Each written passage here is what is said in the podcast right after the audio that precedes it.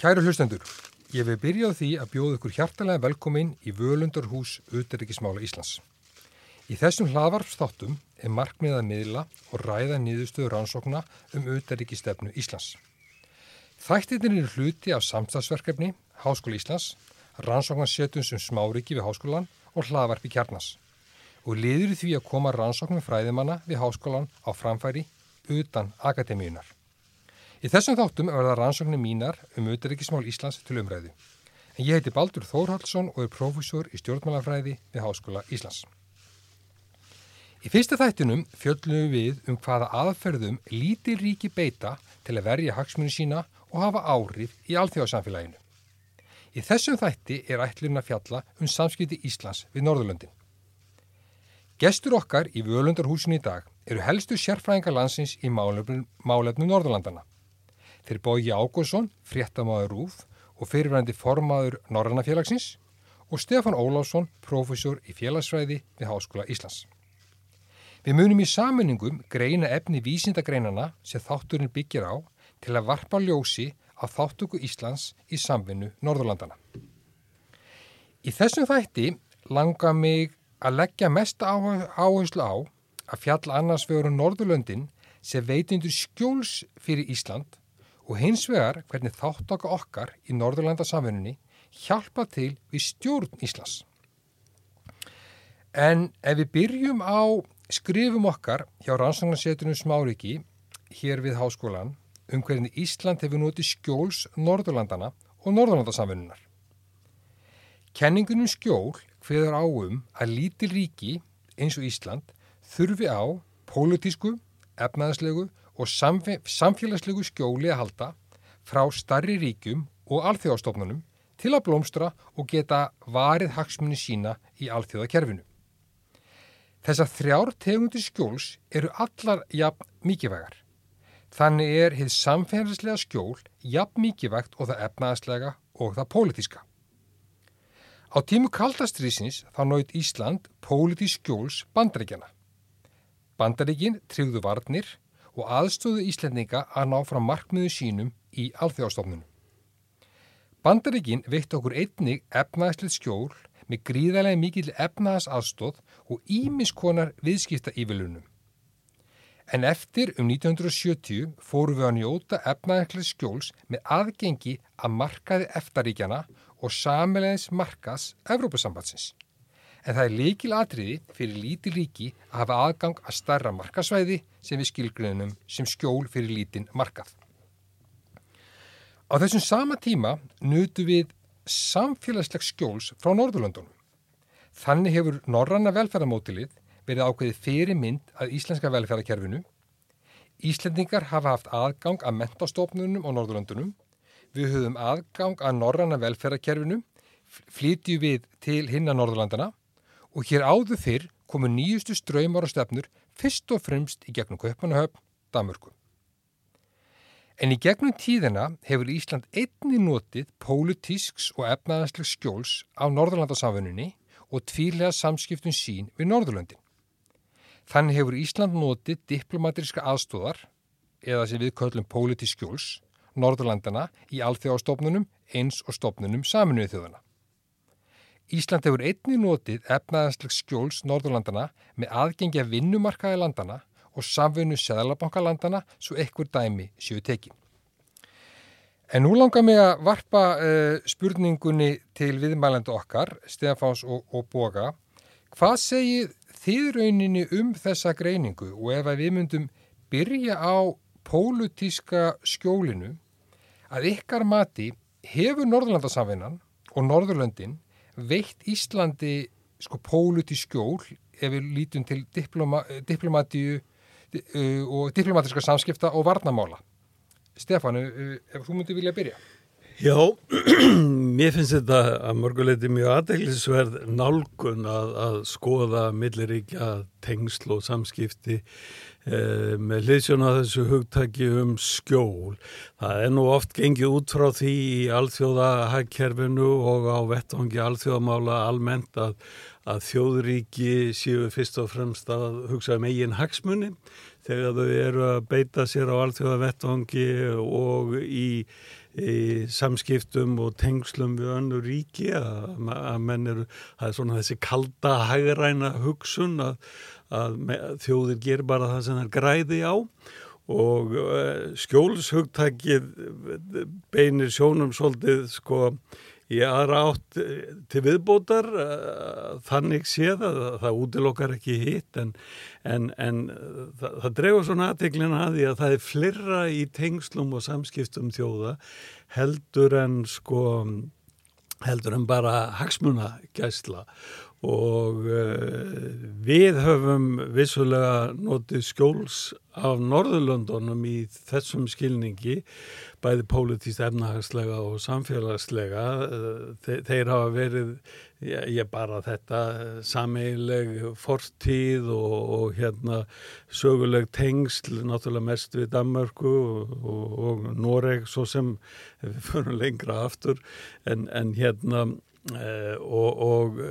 Norðurlanda þjóðirnar sjálfar hafa eh, sín á milli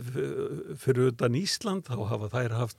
uh, sterk tengsl sögulega og, þar að leiðandi unnit mikið með þessa hugmynd um á allþjóða vettvangi, hugmyndun um Norðurlanda þjóðurnar sem eina, eina einn hóp eða, eða tengdar þjóðir sem, sem oft vinni saman og sæki hver til annar og við höfum vissulega notið þessa og,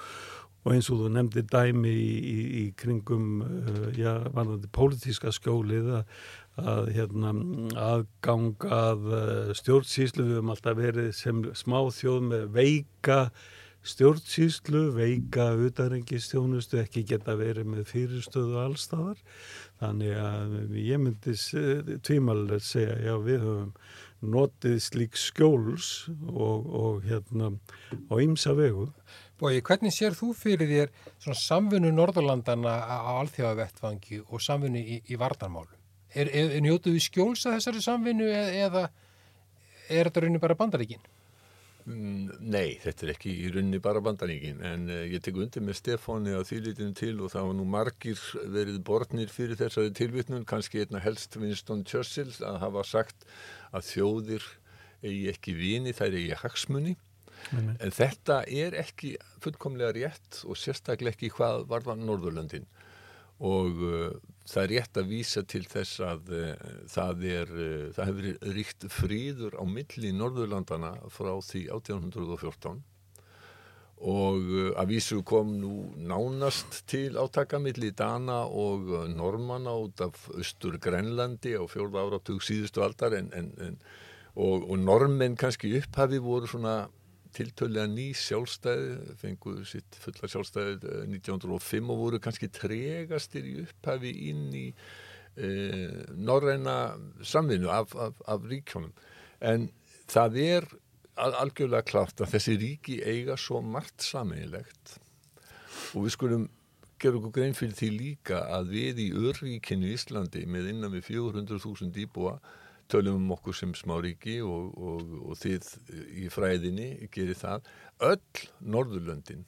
eru lítil ríki á alþjóðamæli hverða. Svíþjóð með tæpar 10 miljónir uh, langstæst. En öll, eða eh, fyrir ekki, öll, bæði Danmörk og Svíþjóð eiga sér stórveldis og eiginlega imperialíska fortíð. Eh, það eh, vita náttúrulega flestir á Íslandi að Danir eh, áttu sitt innan gesalappa heimsveldi. Fyrir utan það að Ísland og Færiar voru hluti af Danska ríkinu og Grænland nýlenda að þá áttu þeir sömulegis nýlendur í vestur Indíum þar sem að höfuborgin á, á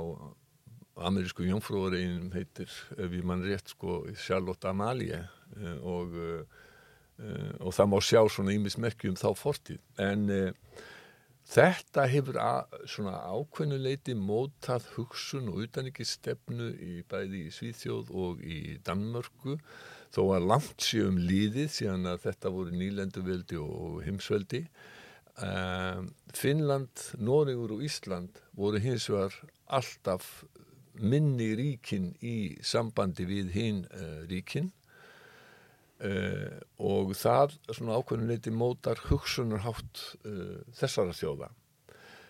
En saminlega eiga þessar þjóðir svo margt. Það er eiga söguna það er eiga tungumálið fyrir utan finna. Uh, þetta eru náskild tungumál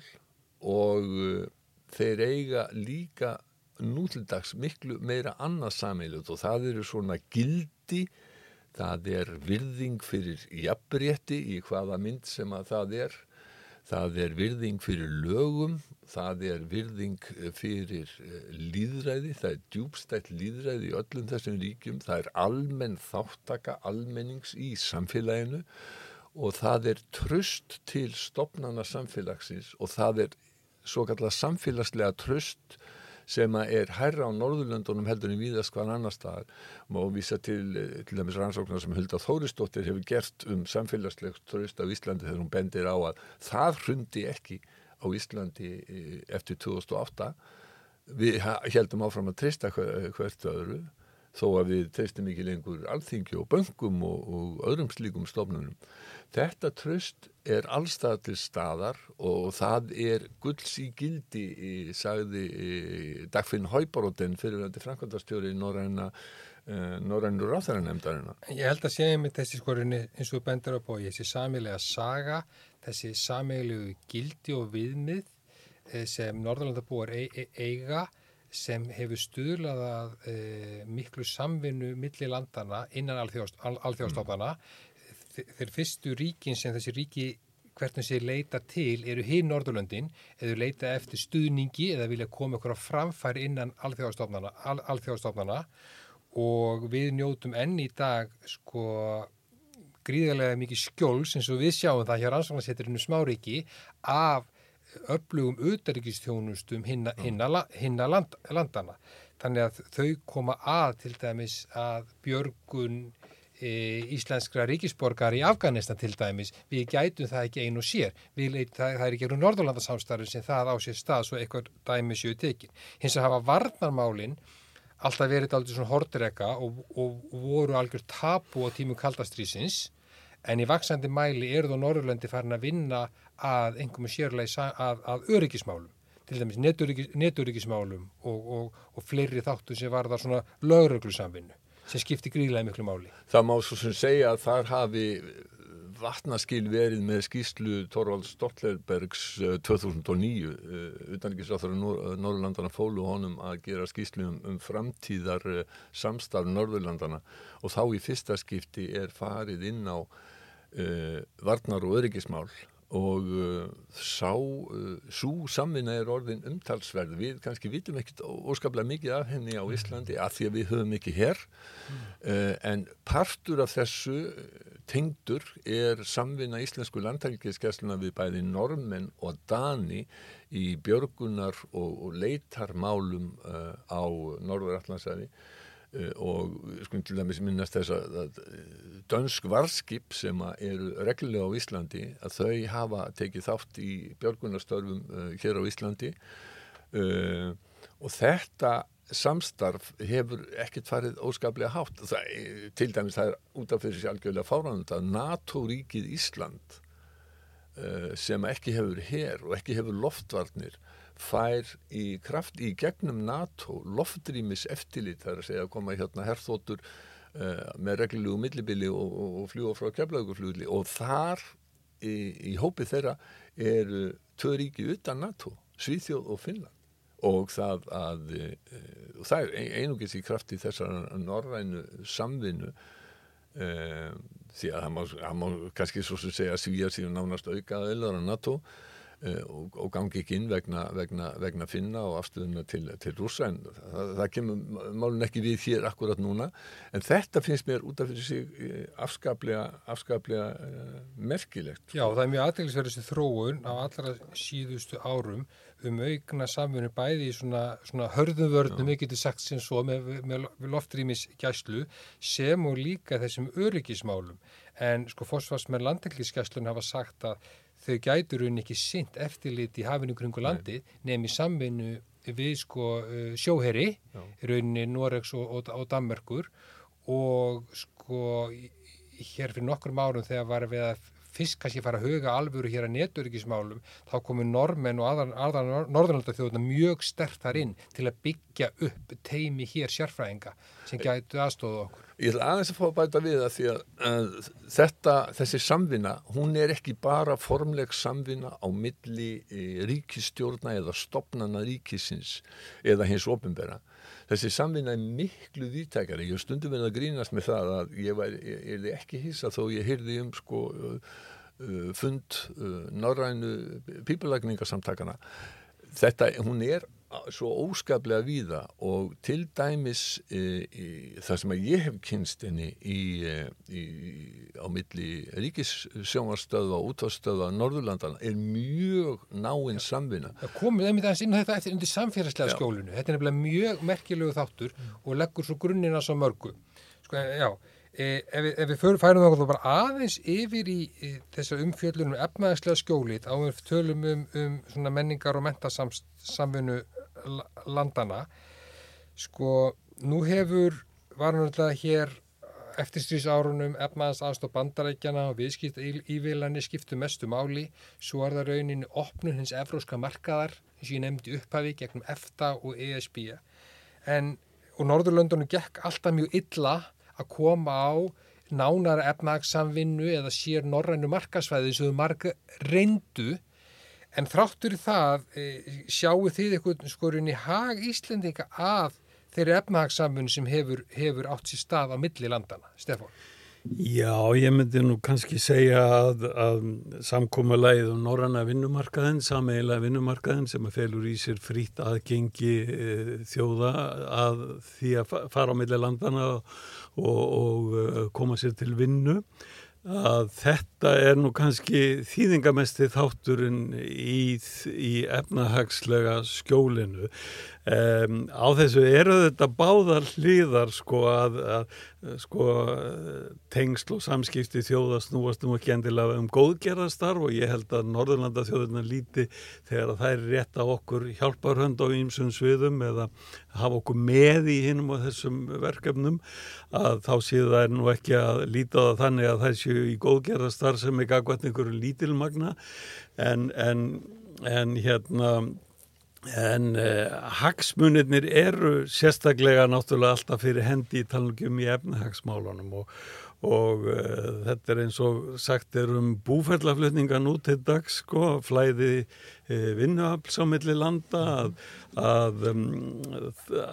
það getur verið í sjálfu sér begja hagur. Líka, það getur verið hagur þjóðarinnar sem að getur flutt út vinnuafli í atvinnuleysi e,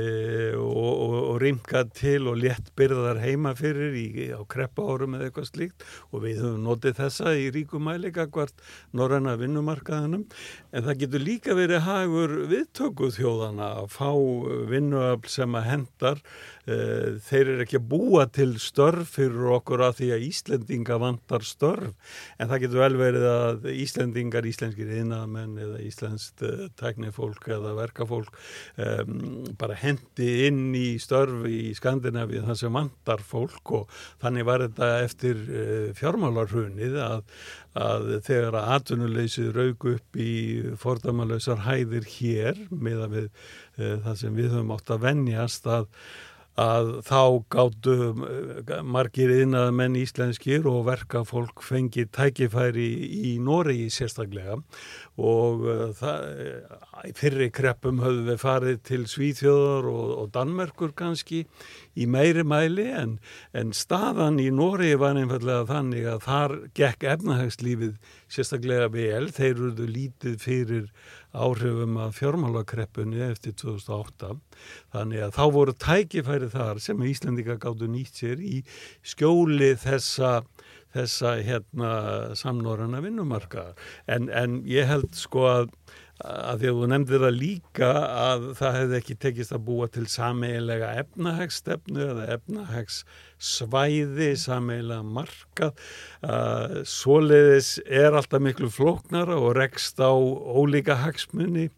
einstakara þjóða Þannig að, að ég held að það hafi verið ósku beðlilegt að það veri erfiðar að koma slíku á heldur en til dæmis á sviði menningarmála.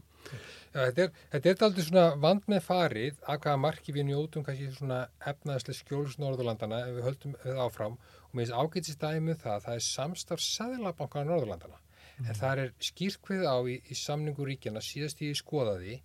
að þeir ráðfæra sig við hverjir aðra er í stöðu samráði og sérstaklega munir hafa samráð ef að það,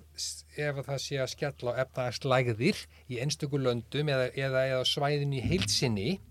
en, og, og þá ætlar að vera í nánu samvinnur um aðgerðir og, og ræða þær. En eiga síður eru ákvæðinu það að hver og einn eiga bjarga sér. Þau skuldbinda sér ekki í samningu sælabankarnir skuldbinda sér ekki til að bjarga hverjum öðrum hver öðrum þannig að sko er þetta bóið kannski, er þetta kannski er þetta sem vandar í samfunnuna eða er, er, er þetta leiðin til þess aðgetunni saman? Sko efnahagsleg samvinna er í rauninni bísna lung uh, á Norrlöndunum þó að það sé alveg hár rétt að það hafi aldrei verið búið til norrænt efnahagsbandalag uh, eða neitt að, að þjóð, þjóðir færi að taka ábyrð á, á gjaldmiðli hvers annars en við skulum ekki gleyma því að 1873 þegar krónahakkerfi tekið upp á Norrlöndunum þá eru krónurnar norsku, sænsku og dönsku jafn gildar og uh, síðan er gerð tilraun eftir, eftir setni heimstyrjöldina og aftur uh, í kringum 1970 til þess að búa til svona einhvers konar uh, efnahags, uh, formlega efnahagssamvinu en það tekst ekki vegna mismunandi eiginlega efnahagshagsmuna ríkjana og uh, þar spilar inn í að hluta til uh, sko, samband Finnlands við Rúslands þar spilar inn í að hluta til gagvart Íslendingum að það var ekkert gert ráð fyrir því að þessi, uh, já, þessi efnahagslega fríverslunarsvæði næði til uh, vestlunar með fisk og sjávaröfurði og sem voru náttúrulega langmestu hagsmunni Íslendinga. Gagvart Íslendingum spila líka inn uh, að það hefur verið landlæg tortrykni á Íslandi gagvart útlendingum og áhrifum útlendinga. Við sjáum þetta í e, sjálfstæðisbarátunni, við sjáum þetta e, hvað var deilt um, um það e, þegar að e, Ísland var sjálfstætt ríki 1918, það var ákvæði að Danir uh, skildi vera jafn réttháir Íslandingum og Íslandi. Það var ótti við það að, að einhverjir uh, það hefur verið landlægur ótti og er ennþann í dag í dag að einhverjir ríkir útlendingar kaupi landið upp. Þannig að þessi ótti Íslandinga hefur sett sitt mark á það að menn hafa verið mjög hefur verið svona það hefur ekkert verið auðvelt að koma Íslandingum inn í, getum við sagt, alþjóðleg efnahagsleg samtök. Tortryggninga hvort Európusambandinu til dæmis byggir að, að stórum hluta á, uh, á þessari tilfinningu. Kanski er þetta vegna þess að, að Íslandingar eru ekki nægilega öryggir í sínu eigin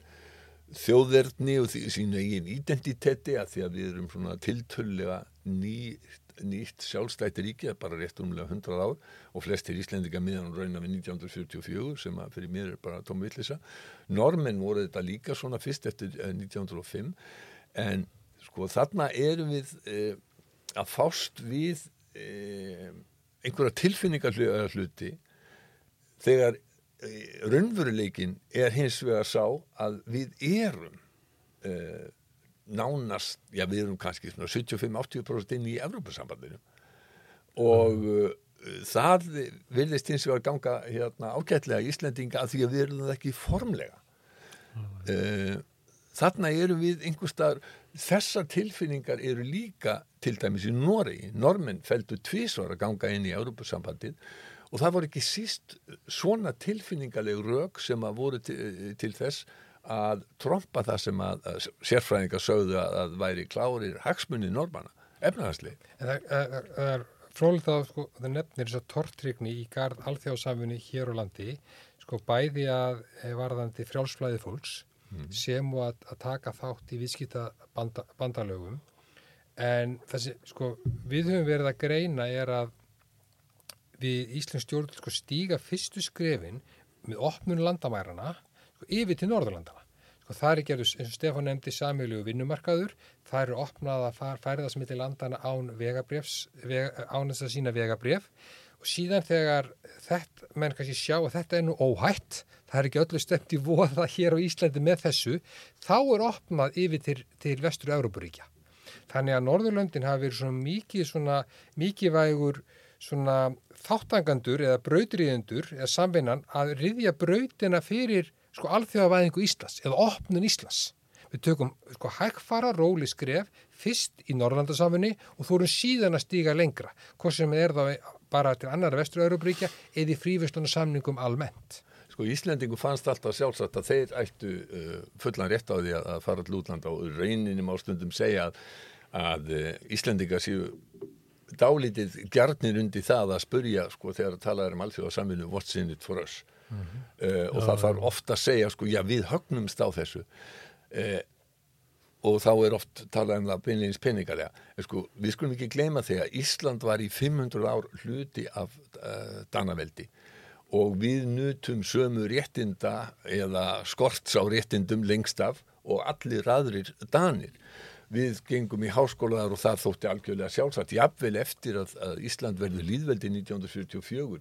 þá heldur fólk áfram að sækja háskólanám uh, til Danmörkur og það er svona fyrsti kosturinn.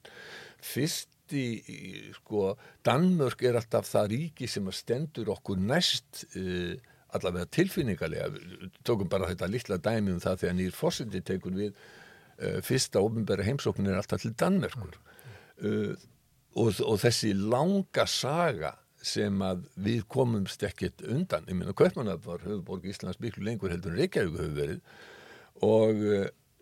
sko Íslandst og danst efnahagslíf var að þýleitinu til að Ísland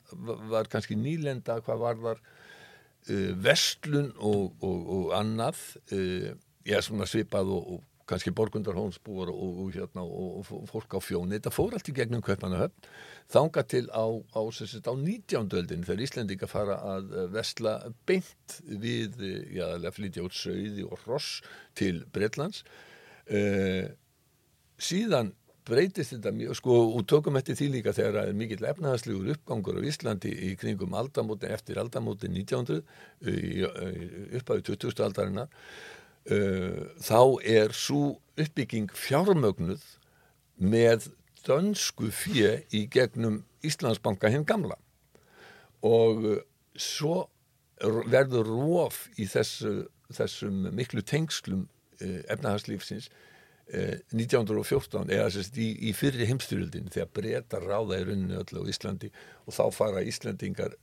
að versla við, við bandaríkin. Já, gott og kemur um þetta því að náttúrulega sko, uppbyggingin hér á Íslandi náttúrulega kemur fram til 1918 meðan við erum hluti já, áður, áður með verið fullvalda kemur í gegnum rauninni Kaupanahöfn og er óbeint stýrt það þó við viljum alltaf vera að láta það komi hérðan en svo er líka sem við aldrei glemst í umræðin eða það að á millistrýsárunum þá skipti sköpum varandi útflutningin frá Íslandi að, Íslandingar og Danir gerðu sameigilega viðskiptarsamlinga til dæmis við Spánuberi og Portugala. Þetta snýrist alltaf um vöru viðskipti þannig að Danir gáttu fengi vörur frá þessum söður evrósku ríkjum yfir til sín og við gáttum selt fisk í staðin. Án þessara nánu samfunnu við, við Danmörku hefðu verið mjög erfitt að flytja út vörur frá Íslandi. Að við náttúrulega að rjúfa áfengisbannið og leifa einhverju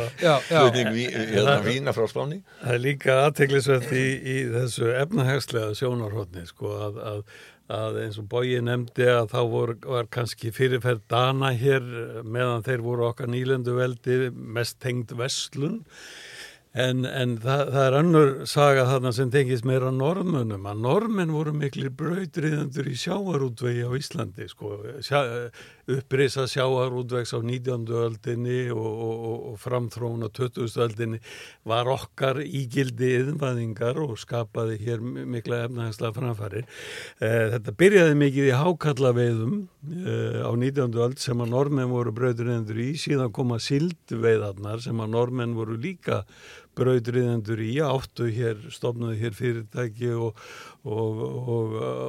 og vinslur og fluttu þetta svo út og núna bara alveg fram á síðustu daga eru þeir miklu brautriðendur í fiskaldi og, hérna og eh, eiga meiri hlutan af þessu öfluga fiskaldi sem er komið hér upp og, og nú erum við að horfa á það að íslenski lífeyrisjóðir eru smá saman að fara að kaupa sér inn í þetta og, og, og það verður smá saman til Íslands eignarhald á þessu. En það er aðteglisvert í þessu að, að sko normi voru náttúrulega ekki að þessu sem ykkur góðgerðastarf eh, vegna norræðna hugssjóna um, um sameila fortíð og svolítið, þeir voru náttúrulega bara uh, að þjóna eigin hagsmunum, þessir útvegsmenn mm. sem að koma hingað og, en Íslandika nutuðu þetta góðs að því, þetta skapaði störf og þetta skapaði viðskipti í landinu, þannig að það er alltaf þessar tvær hliðar á þessu eins og getur líka gilt um nýlendur og, og, og hérna e, og e, nýlendu veldin að það eru báðar hliðar og Og, og hérna þannig að við hefum verið verð sett ef við hefum ekki notið normana í þessu myndi ég segja og þeirra reynslu e, þó svo að, að hérna, þeir hafi svo sem e, þeirra drivkraftur var aðalega þeirra eigin hagsmunir. Mm. Já en svo, einmitt, svo njótu við skjólsa því og reynir sko þetta sem við nefnir um alltaf móti 1900 þá er þessu efnaðislu umsvið Norðalandana, hákarlaveðar, kvalveðar og síldveðar, mm. það er byggja upp sjávarþorpin allt í kringu. Já, já, já, já. Þetta Ég bendi hlustendum á ef þeir hafi ekki þegar lesið 60 kilo og sólskinn eftir Hallgrim Helgarsson mm -hmm. sem að lýsir afskaplega skemmtilega og humorískan og tragískan hátt uh, þegar að normenn er að koma og eins, eins og þið segir það er síldviðar, kvalviðar og, og, og hákallaviðar og annað sem er nýlunda á Íslandi eh, fyrir utan þetta sem við sætt til áður uh, útflutnings til Breitlands með, með söði og hross þar sem að Íslandika fengur greitt í peningum. Viðskipti á Íslandi höfðu verið langt mest vörviðskipti og reikningsviðskipti en bæði normenn og, og brettar þar á undan þeir höfðu bara borgað í beinhörðum peningum. Þetta skiptir miklu máli. En sem er annað sem ég ætla að benda á líka er að fyrir, fyrir heimstyröldina þá ríkti raunar, ekki bara á Norðurlandunum heldur í Evrópa allir, þá ríkti fjórferðsið Það var, var frjálsflutningur bæði á fjármaks fólks og þjónustu uh, á milli landa að miklu, uh, hérna, að stóru leiti, það má kannski segja að þú veist að tilraunin Evropasambansins til þess að búa til svona indri markað séu tilraunin til þess að koma á því sístemi sem að ríkti fyrir 1914. Já, já. já Ef við færum okkur núna eftir þess að fínu umfjöldunum efnaðslegu og pólitísku þættina yfir í samfélagslega skjóli og eða svo ég bara minnist aftur á það þegar við ræðum samfélagslegt skjól þá erum við að horfa á það að Ísland er unni lítið samfélag og lítil samfélag þurfa sérstaklega að tryggja það að nýjustu ströymur og stefnur nái inn fyrir landsteinana. Raunin að nýjustu tekni og vísindi berist inn fyrir landsteinana. Og, þau, og sérstaklega kannski lítið samfélag sem eru kannski út í aðrunum þurfa að leggja sér sérstaklega fram um það að þau séu í ringiðinni til þess að geta bara e, bóðið upp sínum íbúum upp á sambarileg lífskjör og þekkist þessi best, best gerist í heimunum. Sko, Stefán, ég nendi hérna í upphafi að svona velferðakerfið Norðurlöndin hefðu kannski aðeins svona mótað velferðarkerfi sem ákveður fyrirmynda íslenska velf velferðarkerfinu og, og lítum að það sem ákveður skjól. Hvernig sér þú þetta fyrir þér? Jú, sko, það sem að gerist með velferðarkerfi er að sko, norðannu þjóðirna, skandinavisku þjóðirna sérstaklega, svíjar, svo normen og danir fa fa fara þessa leið á, á árum kreppuna miklu og fjórða áratögnum að, að að búa til þetta samkómalagum milli leið á milli kapitalisma og sósialisma svona blandaða leið að fara ekki í þjóðnýtingu atvinnutækjana heldur að, að, hérna, að, að launafólki myndi vinna með atvinnureikandum en í staðin að byggja upp uh, ofinbæra stjórnsýslu og ofinbært velferðarkerfi sem að, sem að um, skili ávinningnum af haxaldarþróuninni til launafólks og, og þetta velferðarkerfi er grundvallað í sjálfu sér í lögjöfum um almannatryggingar og Norðurlanda þjóðunar höfðu nú byrjað og allar og, og margar vestræna þjóður byrjað að fikra sig inn á þessa braut raun og veru tímabili frá 1880 þetta byrja nú kannski fyrst í Þískalandi Bismarcks að, uh, og, og fram að setni heimstyrjöld er svona mótunar ára þjóðir er að þreyfa fyrir sér um svona lífskjara tryggingar og velferðar öryggismál Eh, en það sem gerist eh, eftir setni heimstyrjöld er að Norðurlanda þjóðunar allar taka upp uh, heldstæð velferðarkerfi sem hefur mikið byggt á, á líkani William Beveridge sem kemur frá Englandi og byggt á borgararéttindum, velferðaréttindi sem borgararéttindi en ekki sem réttindi til að þykja einhverju ölmusu aðstóðu eitthvað slíkt. Og, og þannig að, að og við setjum okkar lögjöfum almannatryggingar sem næri yfir, eh, yfir þessa framfæslutryggingar og, og helbriðiskerfið 46 eh, og hinnar Norrlanda þjóðunar eru að gera svipaða hluti á sama tíma og það má segja við erum öll að fara Beveridge leiðina en það sem að, og erum það, þar leðandi með aldrei svipuð velferðarkerfi hér um 1950 við höfum fengið óvinni gott velferðarkerfi að því að alltíðuflokkurinn komst í samningsstöðu við myndun nýsköpunarstjóðnarinnar sem Ólafur Tórs setti saman með sjálfstæðisflokki og sósélistafloknum og og alþjóðuflokknum. Alþjóðuflokkurum var nýkomin út úr því að, að sósélistaflokkurinn hafði klopnað út úr alþjóðuflokknum og þeir hafði engan áhuga á að fara í þessu stjórn og stiltu upp kröfu um að Ísland fengi velferðarkerfi eða almannatryggingakerfi sem væri jafn gott og það besta sem týðkaðist í heiminum á þeim tíma. Og Ólafur Tórs sagði á endanum, þetta hefði verið mikið streða mynda ríkistjónina í þessu e, nýstofnaða líðveldi, látaðum bara hafa þetta. og, og þeir fengu þetta og settust í stjórnina og, og þannig að við erum með svipað velferðarkerfum mörguleiti um 1950 nema hvað við erum meira með tekjutengingar sem við sótum að fyrirmynd til Nýja Sjálands og uh, gerðum meira af því heldur en skandinavanir og um, síðan fara skandinavisku þjóðunar að byggja ofan á þetta Beveridge kerfi og eftir 1950 og, og þennja út réttindin og útgjöldin og, og, og bæta lífskjörin á, á öllum sviðum með þessu þá fylgjum við þeim uh, bara í humátt og draugumst aftur úr næstu áratíu eftir. En allan þann tíma var norræna velferðarkerfi og sérstaklega eftir 1960 eftir 1960 og 70 að þá hafði það gríðarlega þýðingu hér í lífskjærabaróttun á Íslandi, sérstaklega fyrir verkefliðsefinguna, að það var alltaf hægt að vísa til þess hvernig eru barnabætunar á Norrlöndum, hvernig er elli lífeyrin, hvað er fólk að fá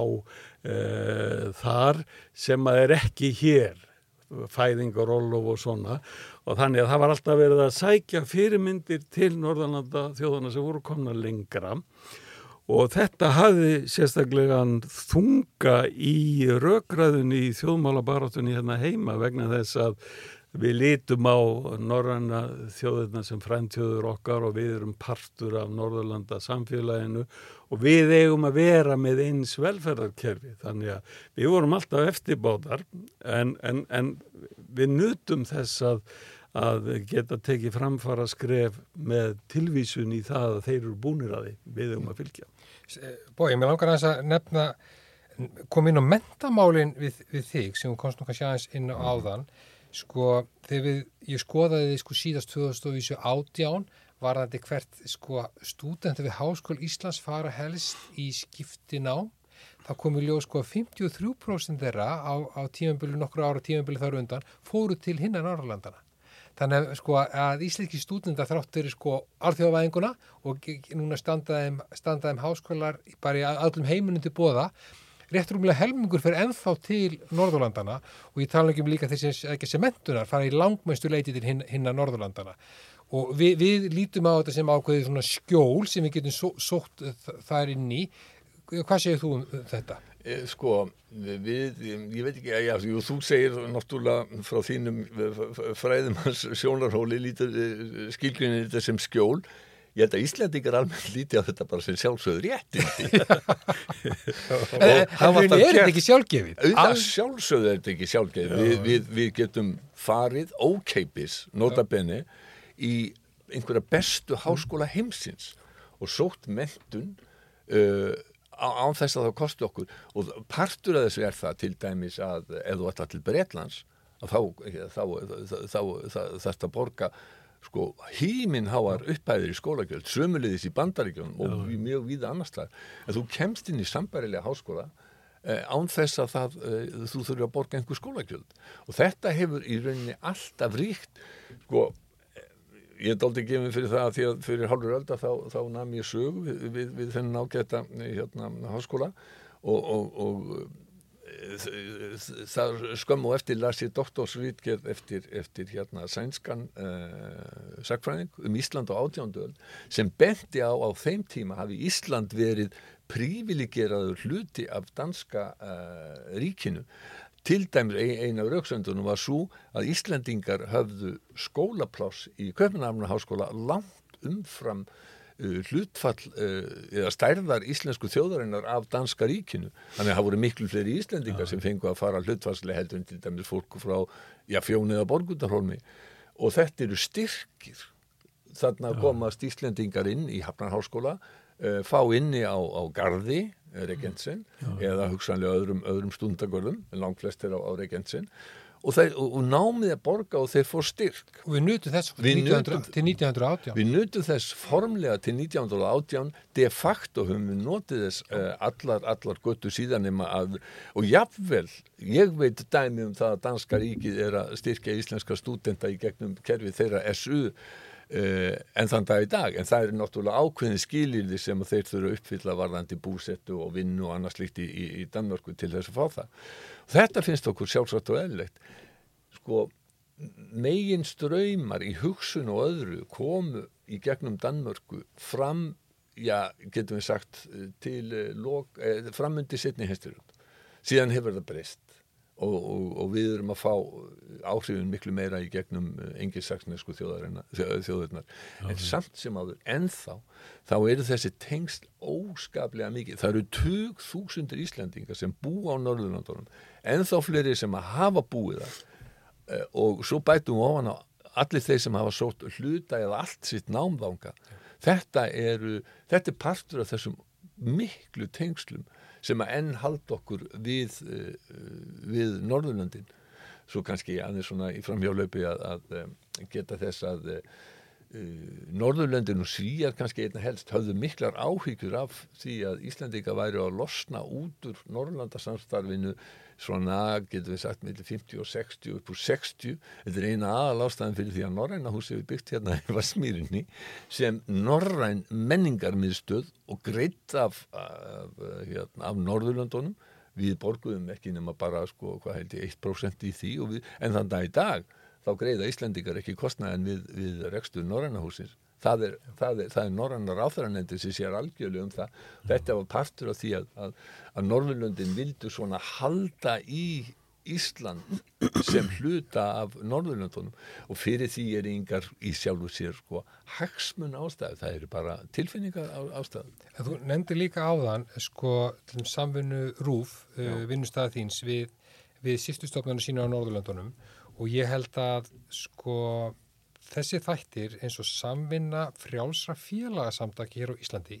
og samvinna fjölmargra menta og menningastofnana við sýstustofnarnu sína á Norðurlöndunum fer mjög hljótt en er umfangsmikið og er algjörlega vannmetið og vannmetið í því að fylgja nýjustu strömmum og stefnum. Sko það er allstaðar á alþjóðlegum fundum er mín reynsla og hún mest á sviði í, í, í sjónvarp allstaðar þá, þá eiginlega rotta Norðurlöndin sig saman vegna þess að þau eiga þetta svona sameigilega lífsín að svo mörgu leiti eiga tungumál sem að flestir allavega eldri mentaðir uh, geta uh, tala saman á, á, á sína í tungumáli. Og þú, sér það að það er mjög víð að það er talað um sko innan svona alþjóðastofnan og európskastofnan það er talað um sko norræni mafíuna, the Nordic Mafia og þetta er raunverulegt að þýleitinu til að vegna þess að það eru svo líkir hagsmunir e, þessar ríkja og margra annar ríkja raunar, oft breyta þjóðverja, hollendinga og, og svona þjóða í norðvestur-Európu sem að e, vilja að, að, að þær stopnarnir sem þær eru að taka þátt í stefni í ákveðna átt sem að svona, samræmis bæði þeirra hagsmunum og hugssjónum og þannig til dæmis eina sambands út á svo sjómastöða í Evrópa, það sem ég þekki bísna vel til, er eða þekkti, þar, þar var þessi samvinna gríðarlega náinn. Samvinnan hún sést líka í því til dæmis núna í þeim uh, látum sem hafa verið í Afganistan og þá kemur allt í unni ljós að, að uh, Danir og Normin eru með samilegt uh, sendirháshúsnæði. Það má vísa til norrænu sendirháshbyggingana eða byggingarinnar eða byggingana já, í, í Berlín. Þannig að það er mjög víða svona samstarf sem að fer ekkert óskaplega hátt og aftur Norðurlöndin gæta hagsmuna uh, hvers annars mm. ef að þau er ekki á staðnum. Ann Lindi, hún þakkaði uh, dönum sérstaklega fyrir að, að hafa haft uh, Svíja og Dani með þegar þeir voru að, að flytja fólk í burtu frá, frá Kabul Já. og vittnaði þar í, í þessi orð Norræn samvinna veri gulls í gildi. Já. Það er sko sem hefur ekki farið mikið fyrir sögunni hér, kannski mennir þetta aldrei femni við að segja þegar þykir ráleggingar að utan. E, það sem, sem ég hef skoðað að bæðurinn í stofnun ríki sjónvarpsins og stofnun þjóðlöksins sínu tíma e, það var þá að leita til hinna Norðurlandana og séð hvernig reka hinna Norðurlanda þjóðuna þjóðlugús, hvernig reka þar sjómastöðar og svo eins og þú segir, svo sérstaklega árunum, fyrstu, fyrstu árun eftir stopnun, þá er þessu fyllt eftir, hvernig eru þið að gera þetta, rá, hvernig ráleikingan getur við, við fengið? Og þetta má rauninni kannski segja það til einföldunar að þú ert að tala um alþjóðsamfununa að hvena sem er sem Íslensk stjórnvöld vilja reka erindi alþjóðlega eða í alþjóðastofnunum, þá er, þá er fyrsti kontaktaðilinn eru ennbættisminn hinna Norðurlandana. Þá skoðum menn, segja þeim frá hver eru sjónum með Íslands, eru samíli snertifleitir. Auðvitað er það ekki alltaf, en þegar það eru samíli hagsmjörn og sama stefna, þá fara Norðurlandi saman sem einn ein heilt. Og uh, þannig að rauninni er sko auðarrikistjónustunni hinn að Norðalandana eru óbein sko framlegging á íslensku auðarrikistjónustunni þó kannski íslensku auðarrikistjónustunni myndi ekki orðaða þannig. Hún myndi ekki orðaða, vill ekki orðaða þannig en hún er það í rauninni. En þetta bara við höfum ekki einfallega burði til þess að sinna öllum þáttum sem við kannski þurfum þurfum að sinna. Svo má bæta Já. við þetta líka sko þessi geiri vísinda og rannsókna, háskóla umhverfið að, að íslenskir fræðimenn hafa notið þess í mjög miklu mæli að, að uh, kollegar þeirra á hinnum Norðurlöndunum sækja oft eftir því að fá þáttöku frá Íslandi í einhverjum stærri verkefnum, samílum verkefnum, alþjóðlum verkefnum og og uh, þannig hefur þetta verið mjög mikil blóðgjöf inn í okkar uh, vísinda og rannsóknastarf og þróun bara háskóla umkörfis og nýsköpunar umkörfis hér á Íslandi sem við höfum haft mjög mikil og not af, af, af samstarfi við Norrlanda þjóðunar og þetta er nú mjög mikið í aðra röndin er þetta kannski það sko að, að þeir vilja hafa svona fulla mynd af all, alla Norrlanda þjóðunar séu með. Um, Við vorum hér ofta áður fyrr sko meðan við vorum lítil og við vorum meira eftir á og þá, þá sáum við þetta í tölfræðin og svona, þá vantaði alltaf tölur fyrir Ísland lengi vel en þetta er eitt sem hefur algjörlega breyst og, og lagast mjög mikið og, og almennt hefur þessu sem sagt fyllt það að að þetta hefur verið mikill kvati fyrir uh, alþjóðlegt samstarf í íslenska vísinda og rannsóknarsamfélaginu, mjög verðmætt. Já, það líka verið merkilegt þangatilunni nýlega og þangatil kannski kemur að Evróska efnaðasvæðinu og, og menta og menningasaminu þar sem kannski koma inn undir lokþáttarins þá var sko fyrsti tengilegu líka sko fólks í menningagerunum og mentamanna er Norðurlöndin. Og samvinnan opnast þar inn á þenni alþjóðlega vettvang. Þannig menn starfast með kollegu sínum á Norðurlöndunum og svo opnast, opnast heim, heimurinn. Og þessi menningaströymar og stefnur held ég að sérunni vannmetin í íslenskri þjóðfélagsumræðu og árið þessa hefur verið. En þá langar mér kannski að snú okkur að hinuð aðal efni þáttarins og þá erum við að leika okkur með það að tala um að Norðurlandasafinan sé mikilvæg þáttur við stjórnun Íslands. Menn kannski ekki hafa ekki orðaða þannig, við, við kannski fræðunum getum leikið okkur með það að skoða hlutina á þennan hátt og það sem við eigum við hérna er að sko íslenskir sérfræðingar innan stjórnsýslunar eiga eitthvað í miklum samskiptu við kollega sína á hinnum Norðurlandunum eins og sviðum velferðamála og eins og ég var að nefna á flestum sviðum menta og menningamála og að starfsmenn utryggistónustunar eru í nánustum sams, samstarfi við kollega sína á, á hinnum Norðurlandunum. Og þetta er unni tryggir að íslenskir sko, embættismenn e, eru ætið mjög vel upplýstur um hvað Norðurlandin eru að gera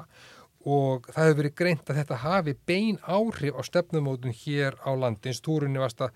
koma að Stefán Varnandi velfer, velferðamálin og við vorum að tala kannski um, um ríkisjónvarpi og þjóðlegúsi. Síðan til viðbóta má nefna að auðaríkistefna Íslands er farin að taka miklu meira mið af auðaríkistefna hinn að Norðurlanda heldur en áður var. Við vorum dálítið svona frekar sér á báti, sérstaklega tímum kaldastrýsins, en núna er þessi áhersla á, á mannúðarmál jafnbrettis og jafnbrettismál og bara almenn auðaríkistefnan er miklu norrætni um orðaða þannig heldur hún var e, áður. Við erum ennþá að taka mið af lögjöf Norðurlandana í, í velferðamálum og það er bara að finna bein dæmu um þetta sé það sama á við um lögjöfandi rétti til kvenna og hins eginn fólks. Við getum bara að skoða tímaraman, Norðurlöndin er yfirleitt fyrst með tiltekna lögjöf svo kemur Íslandu eftir. Til dæmis varandi sko, lögjum um staðfestas samvist, eh, samkynneira eða e, réttin til að ætliða, ætliða börn, Norðurlöndi koma fyrst, svo komum við nokkurum árum síðar og það eru til dæmis varandin sko, réttin til kvenna, fóstureyðingarlaugjöfin kemur fyrst og hinu Norðurlöndunum og núna það nýjasta dæmi sem við erum með í greininni er að það er fyrst í Nóriði sem settir er, er lög um hlutfall kvenna í stjórnun fyrirtækja. Við erum að taka það til dæmis frá, frá, frá, frá Nóriði. Þannig að svona er þetta að taka ímis dæmi Síðan er oft talað um það bara almennt í stjórnsýslu fræðum og í stjórnmálafræði að Norðurlöndin eða stjórnsýsla Norðurlandar er mjög fagleg. Það er mjög fagleg vinnubröð sem þar eru, eru stunduð og e, rannsóknun hafa á sama tíma sínt að í litlum samfélögum og í lítilli stjórnsýslu eins og okkar er oft hæ, hætta á fyrirgreyslu, frænd hegli og það að Ísland Íslandingar eða íslenski sérfræðingar hafa e, tekið mið að vinnubröðum stjórnsýsla hinna Norðurlandana hefur dreyið úr fyrirgreyslu og frælteikli hér á, á, á landi. Þeir eru að fylgja eftir faglegri vinnu, vinnu hinna Norðurlandana. E, Og svo nefndi ég líka til dæmis áðan sem á líta á sem stjórnur landsins að við opnum landamærin fyrst yfir til hinna Norðurlandana, hvort sem það er að ferðast áns að sína vegabref eða opnum á vinnumarkaðin, svo færum við það yfir til annara landa. Og Norðurlöndin hafa til dæmis hjálpað okkur að ná hagstaðum samningum bæði þegar við gengum inn í EFTA, í EES og, og Schengen. Til dæmis þá var bara var Norrnæru fjárfestingabanki stopnaður til að aðstóða okkur með eftir aðildinni e, Norðurlöndin keftu auka lambakjöt af, ok af okkur og ímiskona velviljanir bæði í Schengen og EES þannig að Norðurlöndin taka á sig ákveðin bakka af okkur sem okkur fannst fylgja yngöngunni og þetta eru við erum að líta á sem ákveðin stjórnun, stjórnun landsins og þess að þú nefndir Stefán hérna uppafi að þá er það rauninni mikið var hlutur í hagstjórn landsins að þegar hér verður atvinnuleysi þá streyma þúsundur íslendinga til hinna Norðurlandana, þeir fara ennþá þangað Já. og það tekur uh, sko kúfin af atvinnuleysinu hér og svo þegar verður efnaðislu uppsöfla eins og við viljum stöndu fram fyrir akkurat bara núna þá, þá streyma menn rauninni til, tilbaka. Svo hvað segir þið nú um þessi sko, skrif okkar hjá rannsóknarseturinn um smáríkjum að þetta rauninni sé rauninni vannmetinn þáttu við stjórnun Íslas? Bói? Jó, ég eh, held að sé uh, algjörlega hár rétt, sko, aðgengi að skýslum, rannsóknum, uh, lagatekstum og annars líkt er, það er eiginlega frjálst aðgengi að þessu nema uh, það sé á einhverju sviði öryggismálar þar sem að, uh, þar sem að uh, svona hernaðar lindamál koma við sögu eða eitthvað annars líkt. Við eigum sko frjálsan aðgang í þannan gríðarlega mikilvæga sjóð af reynslu og þekkingu stjórnkerfin í, á hinn Norðurlöndunum er náttúrulega miklu stærri, miklu öflugri geta unnið miklu meira. Þau eru náttúrulega langt í frá fullkomin og sumstað sko, mjög búrukratísk og, og, og, og við höfum það fram í við og við erum með stuttar bóðleiðir en við eh, erum líka eins og varst að í, í að við höfum verið aldrei hallir undir frentegli og uh, og vonandi að það sé að, að breytast líka. Svo spilling sem að, sem að fór svona ekkert mjög hátt í íslensku samfélagi. Kannski má segja sumuleiti að þessi aðgangur okkar að norrætni reynslu og e, hún geri Íslendingum klift að halda uppi öflugu sjálfstæðu ríki vegna þess að við getum sótt fyrirmyndir til þjóða sem eru mjög uh, líkar okkur, hafa svipu sjónarmið uh, án þess að þurfa að leggja í alla þessa vinnu sjálf. Við hefðum bara kannski ekkit efna á að hafa uh, stjórnkerfi sem að þyrti ef að eh, við hefðum ekki aðgangað að, þessum upplýsingum. Stjórnkerfi okkar er lítið og, og viða mjög vannmáttugt. Uh, enn á nýju, sko, vittnum bara til þess sem er að gerast í Afganistan núna þar er þessi norræna samvinna uh, við það að bjarga borgurum ríkisborgurum uh, frá landinu gríðarlega mikilvæg, hún er mikilvæg hérna, öllum, öllum löndunum en Þú vísaði líka til þess að, að það eh, væri samstarf á milli Sælabanka og annars líkt. Það er hins vegar, núna á undanförnum árum, þá hefur það valdið mér miklum vonbriðum að Norðurlöndin hafa ekki staðist prófið uh, fyrst 2015 í flottamannakrísunni. Þá er tekin upp uh, eh, vegabriðarskilda á milli Danmerkur og Svíþjóðar uh, og núna í koronaviru krísunni að þá getum við sagt að þjóðurnar hafa heldur ekki staðist prófið vegna þess að það var engin samvinna, það var ekki eins og niður sko lift síma til þess að, að reyna að samræma aðgerðir eða að reyna að samræma sjónarmið og á milli embætta sem að hafa svona venjulega eftir því sem ég skildist eh, umtalsverða samvinnu þar að segja sort, uh, sortvarnar leknisembættin á Norrlöndunum þar er sko hver höndin upp á móti annari og Norrlöndin hafa tekið sko eiginlega hvert sína stefnu algjörlega án samráðs og samvinnu við hinn. Þarna finnst mér að þegar áreyndi að þá hafi Norrlöndin ekki e, risið undir því sem að maður hefði vonast til. Þetta er aðleika svo sko en á sama tíma það sem það sem þau gera er að þau upplýsa hvert annað um hvað þau ætli, ætli sér að gera það er svona okkur grundaður upplýsingarmiðlun í gangi þó það náu kannski ekki lengra. En svo kemur mjög náinn saman þegar kemur að því að bjarga Norðurlandabúum sem voru statið vísvegar um heiminn Já. og fly, flytja heim. Þá, þá kemur það inn og þá nótu við sem hefur miklu minni burði heldur hinn Norðurlandin mjög, mjög, mjög góðs af þeirri, þeirri samvinnu. Þá er það kannski líka vegna þess að það er á sviði utanríkisráðunetana sem að hafa miklu, sem að hafa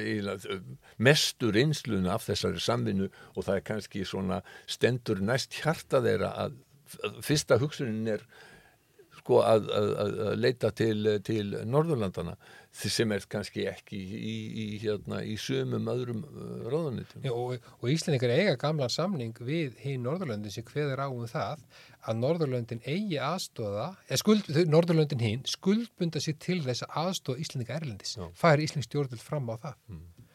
E, Stefán, hvernig kemur þessi stjórnunum umræða þér fyrir, fyrir, fyrir sjónir? Ef við setjum þetta í þá mynd? Jú, ég held sko að þetta er alveg rétt sem þau eru að segja að, að við höfum notið mikils í þessu upplýsingamidlun og aðstóð við e, samningagerða alþjóða vettvangi aðildað efta og, og, og Schengen og, og fleira í þeim anda. E, við hérna Við sjáum þetta líka bara eins og vettvangi verkalisreifingarinnar sko, verkalisreifingin íslenska hefur haft náinn tengsl við verkalisreifingarnar á hinnum Norðurlandunum og þar hafa reyndar verið til svona eins konar norræn hildarsamstök sem er, er nú sko kannski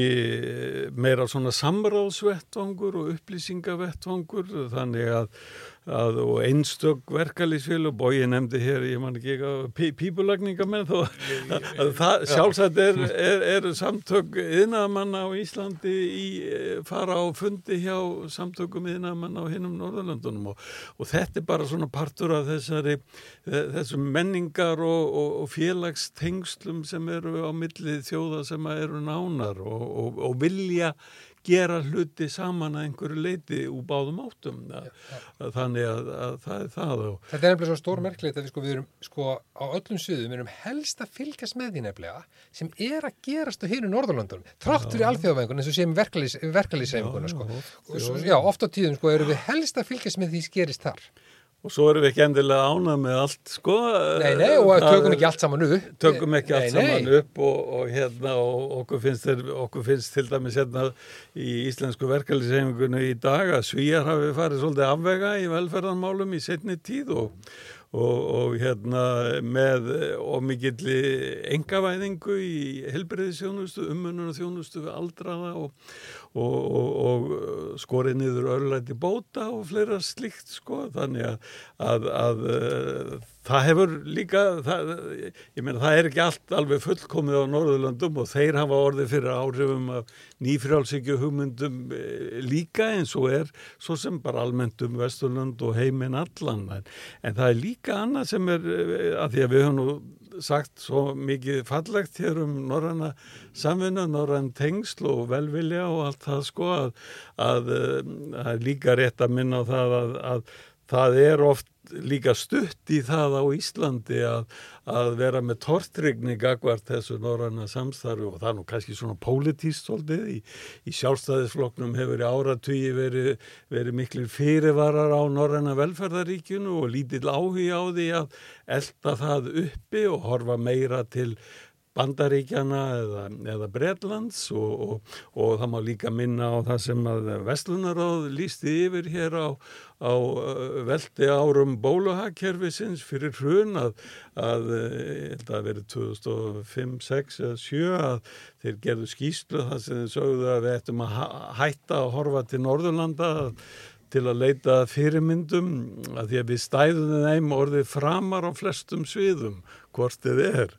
Og þetta var svona þessi hróki sem að var hér í þessu uh, frjálsræðis umhverfi uh, nýfrjálsíkjuna sem sem að gekk daldi langt hér á Íslandu og miklu lengra í raun og veru heldur en á hinum Norðurlöndunum þannig að, að, að það er alltaf til einhverja þessar rattir sem að vilja horfa meira í aðra ráttir en, en, en ég held nú að meiri hluta uh, sálartengslinn séu til hinn á Norðurlöndunum. En að þú nefnir hugsaðlega sko, sko galla á samfunni í Norðurlandana þá sko í kenningunni um skjól þá tölum við um það að það yfirleitt þó að eitthvað ríkis í skjóli annars þá fylgir því yfir einhver, einhver ókostur. Það, það, það, það er ekki allt, allt bara endilega mjög fallið, það er einhver ókostir. Og bara sér nefnist við dæmi til að skýra hvað það geti verið. Jú við njóðum vissulega sko, skjólsbandarækjana í vardarmálum mm -hmm. það ef við setjum þenni kenninguna. En það gerir það verkum það skjólið svo umfangsmikil að við búum, bú, búum ekki til sérfræði þekkingu hér í öryggis og vartamálum í Íslandi og verðum algjörlega háð bandaríkjámun og stefnum út úr bandaríkjana til að gera bara vartan áhullin fyrir Ísland. Þannig að þegar við mm. erum beðin um að, að búið til vartan áhullin í samlinga við erum við bandaríkjanum upp úr 2000 þá er komið við bara alveg gat og segir bara gerið það bara sjálfur mm. Já, ég vísu vil aðeins vísa til þess að það eru nokkur íslendingar sem hafa sótt varnamála skóla í Nóri Já, já, já, já. Eh, en að öðru leiti er þetta alveg rétt þessi þekking var ekki til staðar á Íslandi og er að mörgu leiti uh, verulega ábútafant Þetta hefur að lagast mjög mikið frá því var. En sjáu þið eitthvað svona ágalla við sko Norðurlandasamfununa ef við komumst að þeirri niðurstuðu við erum njótað þessu umfangsmikla skjóls af uh, tvíliða og fjölþjóða samfunnu Norðurlandunum er eitthvað sem sem já, er ekki kostur í, í því. Svona 1, 2 og 3 að þá, uh, þá, uh, þá get ég ekki nefnt einhverju dæmi um, um það vegna þess að það er í þessu, uh, þessari samvinnu eins og annari að það er hægt að velja og hafna og það er nákvæmlega eins og Stefán var að benda hér á áðan að það er ekki allt sem að við, við, við, við erum sjálfstætt fullvalda ríki E, í þessari samvinnu sem er nánari, þetta er nánasta samvinna sem ég þekki á milli fimm uh, sjálfstæðra fullvalda ríkja sem bara gerist í heiminum og hefur verið fyrirmynd samvinnu uh, annar staðar í heiminum menn vísa gætnan til þess já, í fjarlægum heimslutum og, og, kannski svona hafa einhverja glíi í augum sem, sem er ekki raunhæf en ekkert þessari ríkja er fullkomið eh, ekkert, það er ekki við, við, við eigum ekki og getum ekki og megum ekki kópera eitthvað gaggrínislust uh, bara því að það er gert uh, einhver stað annar stað. Það sem ég þetta sko helst, helst í hug er það að vegna þess að við byggjum svo mikið á rauninni upplýsingagjöf og fraglegu vinnubröðum hinna stjórnsíslana að við búum ekki til sérfræðiþekkingu hér á landi. Vi, við sko kannski höfum alltaf verið að spara til þessi utryggjastjónustunni mm. og þar held ég að hefði, af því við vorum svona bandaríkjum en gerði svo mikið fyrir okkur Norðurlöndin gerði svo mikið fyrir okkur í dag að ég held að við gætum styrt stöðu okkar á alþjóðavettangi við erum bara með enn öflugra teimi heldur þegar er þar En þá aftur kemur að þessari spurningu. Þjóð sem er hvað cirka 360.000 manns áhverju hefur hún efni raunverulega? Hefur sko eh, við erum með innviði á Íslandi sem að myndu næja fyrir eh, sko, þjóðu sem að væri tíu svona stærri. Sko, það, er, er ekkit sjálfgefið að við síum með mjög öfluga háskóla eins og við erum með hér í Háskóla Ísland sem er náttúrulega langt stærstur uh, menningarstofnanir eins og þjóðlukus eins og Sinfoníuljónsund Íslands uh, annað slíkt uh, sko ef að við lítum til, já, eigum að líta til Árósa sem er kannski svipaða stærð og, og Ísland. Þessi hlutur, eða Mainz í Þýskalandi þessi hlutur er ekki til þar í það, það eru, þeir eru hluti af miklu, miklu stærri heil en það sem ég er að segja, við höfum bara kannski ekki efni á því að halda upp í slíku kerfi sem að væri æskilegt, að væri æskilegt að hafa þessa þekking á Íslandi. Og þess vegna er svo mikilvægt að því að við höfum ekki efnaði að geta sótt þessa þekkingu, þessa stóð við sjálfstæði Íslands uh, til þjóða sem eru svo, svo líkar okkur hvað varðar gildi uh, og uh, hafa svona svipuð stefnum mið, stefnað svipuðum, svipuðum hlutum og, og við gerum. Uh, og það má til dæmis nefna það núna að þá er það stefna uh, Norðurlandana að uh, þetta verði sjálfbærasta svæði í, í heimi. Sko þarna er þannig að þetta er bæði galli og, og þetta er líka kostur. Já, Já ég held að sko að, að kosturinn í þessu öllu er sá sem að mitt bói var að vísa í núna að við erum með svo sameilegt hugarfar sko, að við erum þó þrátt fyrir allt þó að við segjum nú stundum að, að svíjar séu ólíkir okkur en danir svolítið líkar og allt þetta að, að við erum þrátt fyrir allt með svo sameilega lífskoðun þessar þjóðir að, að hættan á því að þó við tökum eitthvað upp eftir þeim eða sækjum til þeirra að hættan á því að við séum að gera eitthvað sem að væri okkur þvertum geð er ekki mjög mikil eins og ef við verum að sækja eh, ráðgjöf og aðstóð og, og hugmyndir til Rústlands í staðin eða, eða, eða til Þískalands. Ég held að uh, sá pakki sem að geti komið úr, úr slíkum farvegum væri í meira hætt og rekast á á okkar eigin lífskoðun hér heima fyrir en þannig að ég held að almennt sé hafið þetta norran, þessi norrannu tengsl og þessi norranni vinskapur og skjól eins og þú kallar það eh, sem við höfum eh, notið af þeim að þetta hefur miklu meira verið til góðs en, en, en ils tvímanlust. Ef, ef við ljúkum á umfjörlunni í þættum við aðeins að skoða þá, þá miklu breytingu sem rauninni verður með aðild Íslands að Evróska efnaðarsvæðinu og það sem ég ávið þar að þar sko tryggjum við eitthvað aðgang á þessu stóra markasvæði, eru þáttakundur í þessu stóra markasvæði og sko menta og menningarsamstarfi ríkjana sem hefur sko verið sko skipt sköpum fyrir hér vísindarsamfélagið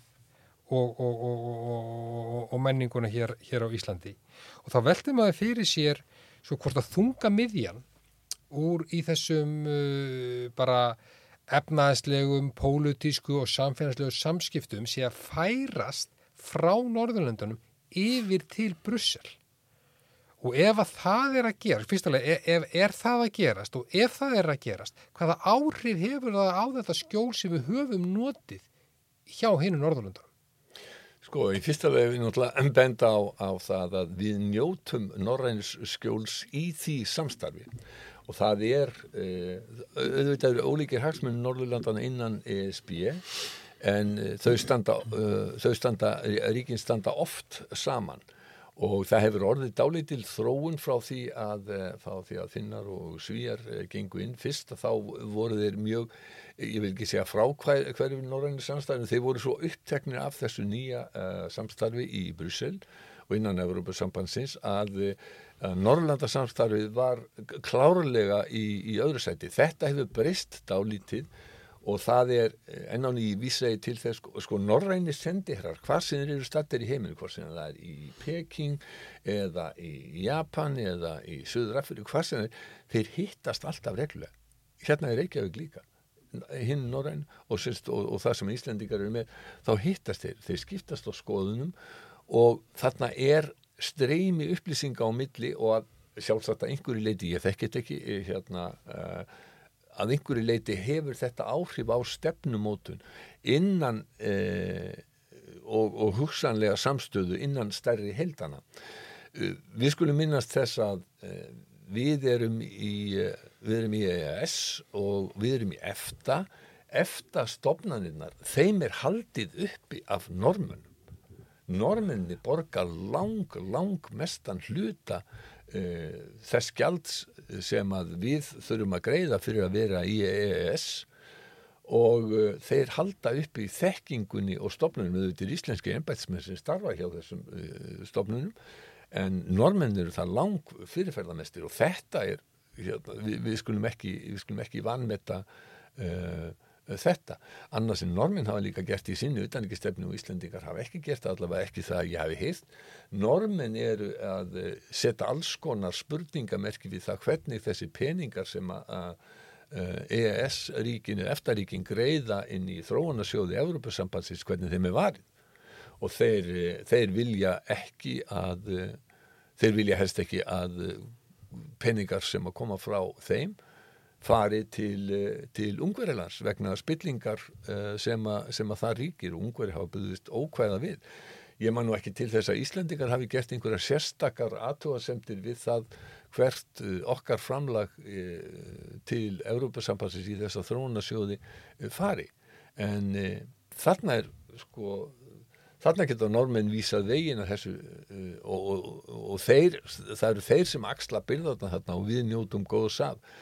Ég held að, að sko, út af því sem má svo segja að þungamiðja íslenskar utanrikistefnu hafi í rauninni aldrei verið Norðurlöndi, sérstaklega ekki hvað varðar uh, öryggis og, og alþjóðamál. Það er ekki, svo við sem aftur til Stoltenberg, það er ekki fyrir þá sem að það hættir að vera tapu í norðan samstarfi.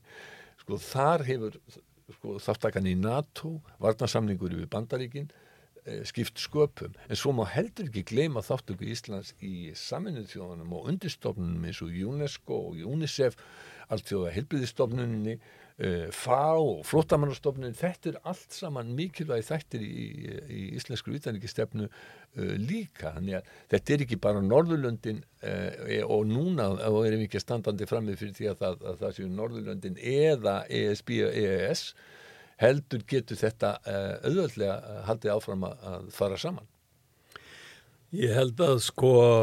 tilkoma þessi aðild uh, þryggja norræna þjóða að Európa-sambandinu hefur sett svolítið los í norræna samstarfið og kannski var það bara tímabundið en, en hérna uh, þetta hefur náttúrulega breytt svo litlu, svona áherslum og og áhrifum inn í pólitíkina og bara svona sem við tökum dæmi um norræna vinnumarka en að nú njótu við aldrei sambærilegs fyrirkomulags eh, og við höfum áður bara með hinum Norðurlandaþjóðunum. Eh, nú njótu við þess kakvat öllum uh, þjóðum Európusambansins í gegnum európska efnahegsvæða. Við getum flutt hangað og farið í vinnu og, og njótum uh, trygginga í velferðarkerfum þeirra. Um, stundum eru reikningarnir sendir á milli landa eins og gengur en, en, en, en þetta kerfin virka fyrir okkur og svipaðan hátt kakvat Európu núorðið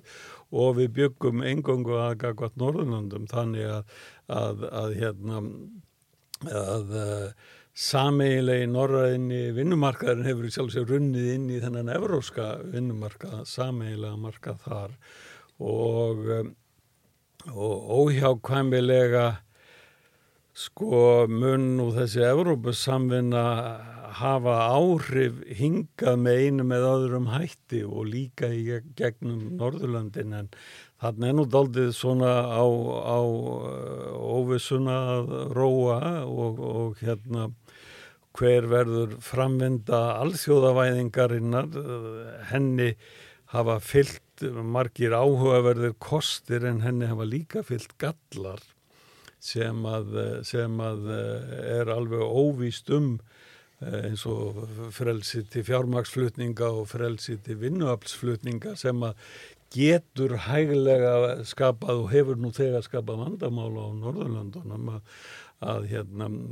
það eru mikil óvissumerki í kringum alla þessa alþjóðavæðingar þróun þannig að, að e, þannig er þetta bara heimurum breytist og við þurfum að breytast með og, og laga okkur að En þá er líka, sko, um þú sama tíma er rauninni merkilegt að sjá hvað Norðurlanda samveinan hefur þó haldi, haldi sér já, já. og eins og bói er að nefna að við getum rauninni ekki skilið að annars að Norðurlanda samveinuna og þeim aðeld okkar að Evróska efnaðasvæðinu því að það er svo, svo sko, samvinna Norðurlandana innan EES eða ESB er svo, er svo, er svo náinn og rauninni svo normenn greiða stærsta hluta að aðgöngu miðanum, aðgöngu gjaldinu að innri, innri markaðunum og, og, og vinna okkar og hagsmunagæsla á við um stofnana saminu þjóðana hann er ekki að skilja frá hagsmunagæslu hinnan Norðurlandana því þetta er gert, gert sameigilega og kannski þá líka ef við bara draugum þetta saman núna í, í, í lokin er það að við, ég held að við séum að horfa, horfa fram á það ennþá koma sterkirinn í ströymar og stefnur til Ísland í gegnum hinn Norðurlandin þrátt fyrir þessa miklu alþjóðavæðingu og við séum náttúrulega orðið miklu samskipti með fleiri, samskipti með fleiri ríki og fleiri aðila og þetta er orðið fjölþættara þá eru rauninni Norðurlöndin enn svona uh, ryggjar stóðin í alþjóðatengslum Íslands. Og þá bara vil ég núna í lokin þakka ykkur Bói Ágússon og Stefán Ólússon kærlega fyrir að vísa okkur leiðina út úr ránkhala völundarhúsins Næsti þáttur fjallar um samskipti Íslands við bandaríkinn og í þættunu verður meðal annars rætt hvort að bandaríkjónum sé enn tristandi fyrir vörnum landsins. Verðið sæl.